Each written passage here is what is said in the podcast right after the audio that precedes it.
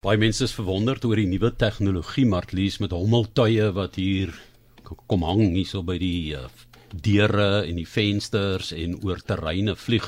Maar mens kan baie hoër gaan en daarvan af ook dinge stuur syne en uh, dis waaroor ons gaan gesels. Dit is hier op RSG juis ons vind bietjie meer uit oor die werk van Dragonfly en dis Dragonfly Aerospace en 'n plaaslik vervaardigde satelliet. Ons weet ons doen fantastiese werk op daai vlak in Suid-Afrika met navorsing Stellenbosch rigting en ons kyk spesifiek na landbou doeleindes en hulle het met SpaceX daai koneksie gemaak om die ruimte in te gaan. David de Tooy saam met ons in die ateljee hoof van Dragonfly Aerospace se adviesraad. Baie welkom David. Baie dankie. Ongelooflik die tegnologie wat in die afgelope dekades ontwikkel is in hierdie veld. Nee, dit is so. En ehm um, ek is baie bly om te sê Dragonfly het so 3 jaar terug begin. Ehm um, en dit was uit 'n industrie wat baie swaar gekry het oor die laaste paar dekades. Ehm um, en oor baie redes, dis nie nodig om daarin te gaan nie. Maar ehm um, ek is bly om te sê met die stigting van Dragonfly het ons dit reg gekry om baie van die baie ervare ehm um, ingenieurs te hou in die land. Ons weet ons het 'n probleem van ingenieurs wat baie maklik oor see werk kan kry. En ehm um, vandag is ons baie bly om te sê Dragonfly Aerospace verteenwoordig so 75% van die ruimtegebaseerde ehm um, ruimte tegnologie. En ehm um, om hierdie ingenieurs so geleentheid te gee en om toekomstige universiteite en ingenieurs wat uit die universiteit uitkom te gee, gaan vir ons land baie beteken vorentoe.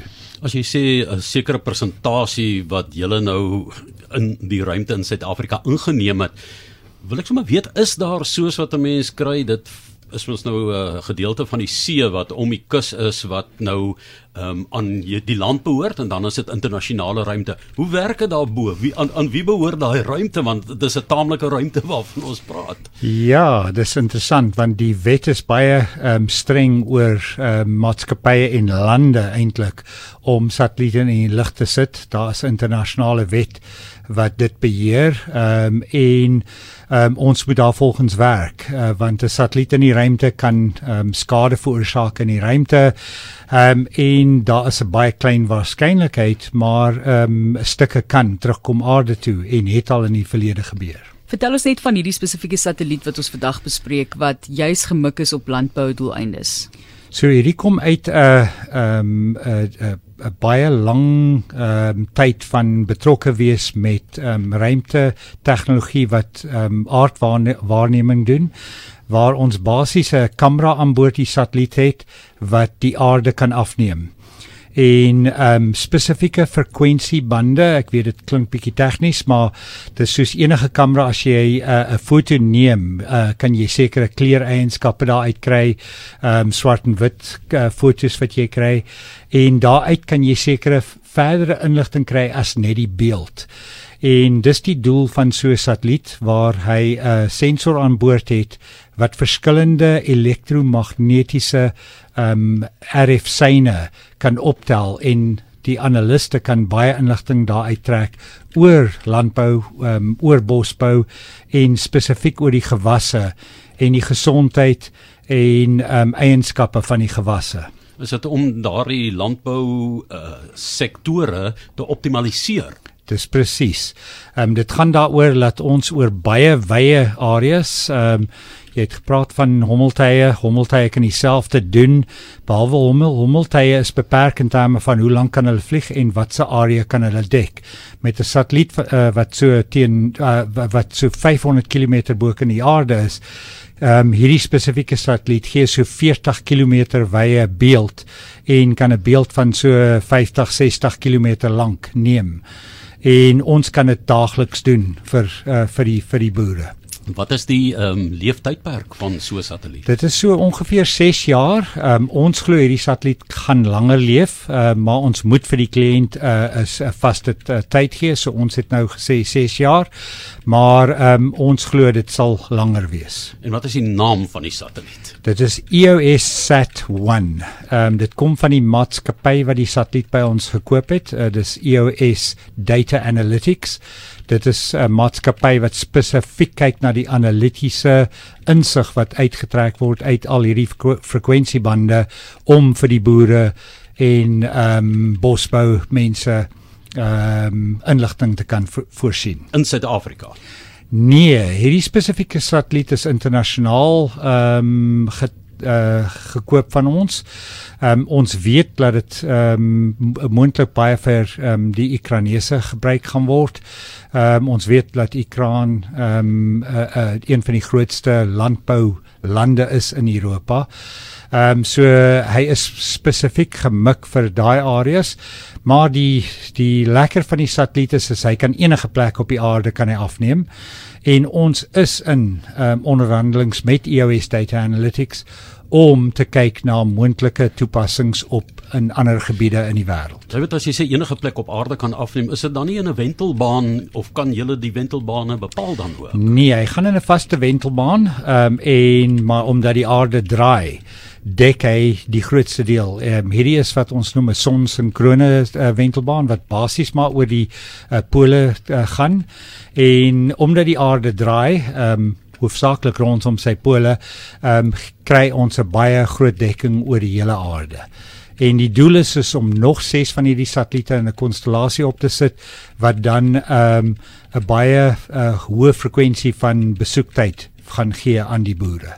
Vertel ons net vinnig die frekwensies waarvan jy gepraat het uh, en jy het 'n kamera as vergelyking gehad um, want jy kry die data en dan gaan ons nou 'n beeld vorm maar is daar werklik 'n 'n iris 'n oog wat kyk of is dit net frekwensies wat weerkaats word en omskep word in beelde? So dis alles digitaal. Dis die nuwe tegnologie van digitaal. Ehm um, en ehm um, die sensor self het die ver verskillende frekwensiebande filters waarmee hy die verskillende frekwensiebande kan optel. En deur daai filters kan ons dan daai data segmenteer en dan gebruik vir verskillende doeleindes. So dis nie 'n uh, 'n uh, kamera met 'n oog, 'n glas wat jy moet skoonmaak in die buitenste nee, ry nie. Nee, die kamera is omtrent so 'n bietjie meer as 'n uh, hy's om om en by 'n meter um, lank en omtrent so 30 cm ehm um, wyd en 'n baie lang uh fokale ehm um, uh, uh afstand wat hy het en dan wat op 'n uh, hierdie spesifieke sensor die die lig inbring ehm um, en daardeur deur die filters dan die verskillende frekwensies kan ons uitkry. Ons is bevoorreg om David de Tooy, hy's hoof van Dragonfly Aerospace se adviesraad hier by ons in die ateljee te en 360 wat eintlik um, vir ons gefassineer het van hierdie projek van julle. Dis 'n wêrelddeurbraak. Dis die eerste in die wêreld. Ons het nie gaan tegnologie leen en vat en so wat reeds so gebruik word nie. So julle moet ongelooflik trots wees daarop. Ja, ons is, dit kom 'n lang pad soos ek sê, die mense in die maatskappy ehm um, en ek self ehm um, het so meer as 25 jaar se ondervinding in hierdie veld. Ehm um, ons het al baie satelliete vir ander lande gelanseer in vorige maatskappye waar ek betrokke was. Ehm um, dieselfde tipe satelliete, maar ongelukkig was dit alles onder dekmantels en ons kon nie eintlik iets daaroor sê nie. Maar dis waar die ondervinding inkom. Hierdie is die sewende satelliet wat die ehm um, grootste gros van die span gelanseer het. So daar lê baie ondervinding agter die span. Wat beteken dit vir die ruimteindustrie in Suid-Afrika?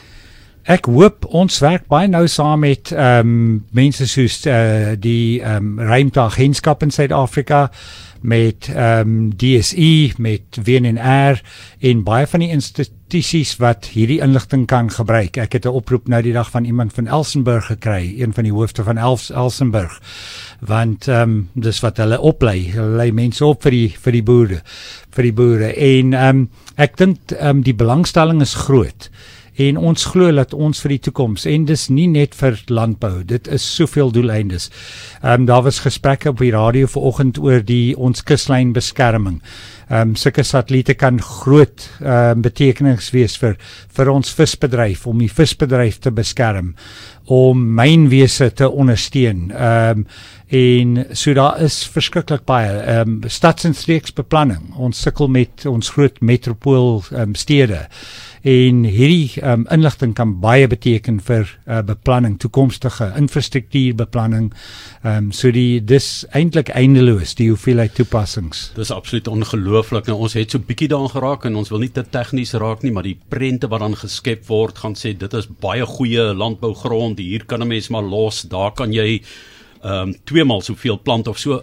Maar hoe het julle daai satelliet in die lug gekry? Want laas het ek maar met 'n vuurpyltjie met Guy Fawkes toe ek dink ek omtrent 11 was iets die lig en opgestuur. Ja, ek dink ons is um, en en dit is eintlik lekker om te dink soos iemand soos Elon Musk um, van Suid-Afrika afkom.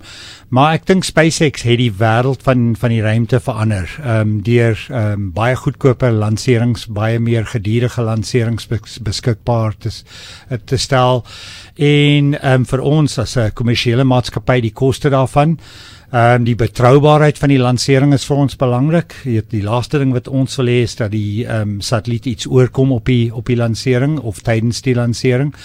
So ek dink in daai opsig is SpaceX uh, vir ons baie goed. Ons het 'n langstaande uh, verhouding met hulle want uh, Dragonfly dis nou miskien ons eerste uh, groot satelliet wat ons opsit, maar hierdie jaar het ons kontrakte vir meer as 30 ehm um, ander kameras vir ander konstellasies ons werk met 'n konstellasie internasionaal ehm um, wat hiperspektraal gebruik. Nou dis klink baie tegnies, maar dis baie relevant ook vir landbou. Want daar's 128 ehm um, verskillende frekwensiebande in 'n hiperspektraal spektrale kamera.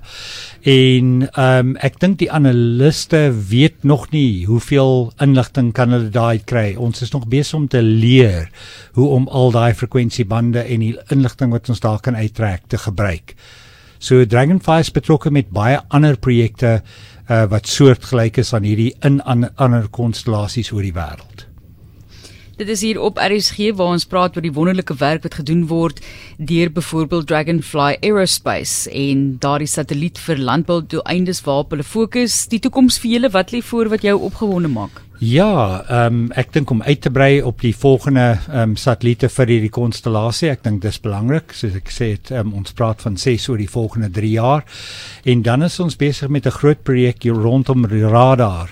Ehm um, want ehm um, met 'n elektriese optiese kamera wat 'n gewone werk soos 'n gewone kamera wat lig nodig het om 'n uh, beeld te neem, ehm um, kan ons met radar uh, 24 ure 'n dag, ehm um, so ons kan in die nag en ons kan deur wolke ook beelde neem. So ons is besig, ons is eintlik ver gevorder daarmee om 'n volgende projek te doen met 'n radar beeld ehm um, satelliet wat dan radar gebruik om beelde uh, net soos hierdie elektriese optiese kamera maar dan radar wat die beeld dan sal skep. Ja. So interessant. Ja, ek sê vir jou David De Tooy is die hoof van Dragonfly Aerospace se adviesraad. Ons sê vir jou baie dankie en ons sien uit om van die volgende projek ook meer te hoor en dan kom kuier asseblief weer. En jy vir ons wys hoe dit werk. Ek sal graag wil sien. Helfte van dit verstaan mense nie eintlik nie, maar hoe dit werk sal fascinerend wees. Baie dankie. Ek waardeer die geleentheid.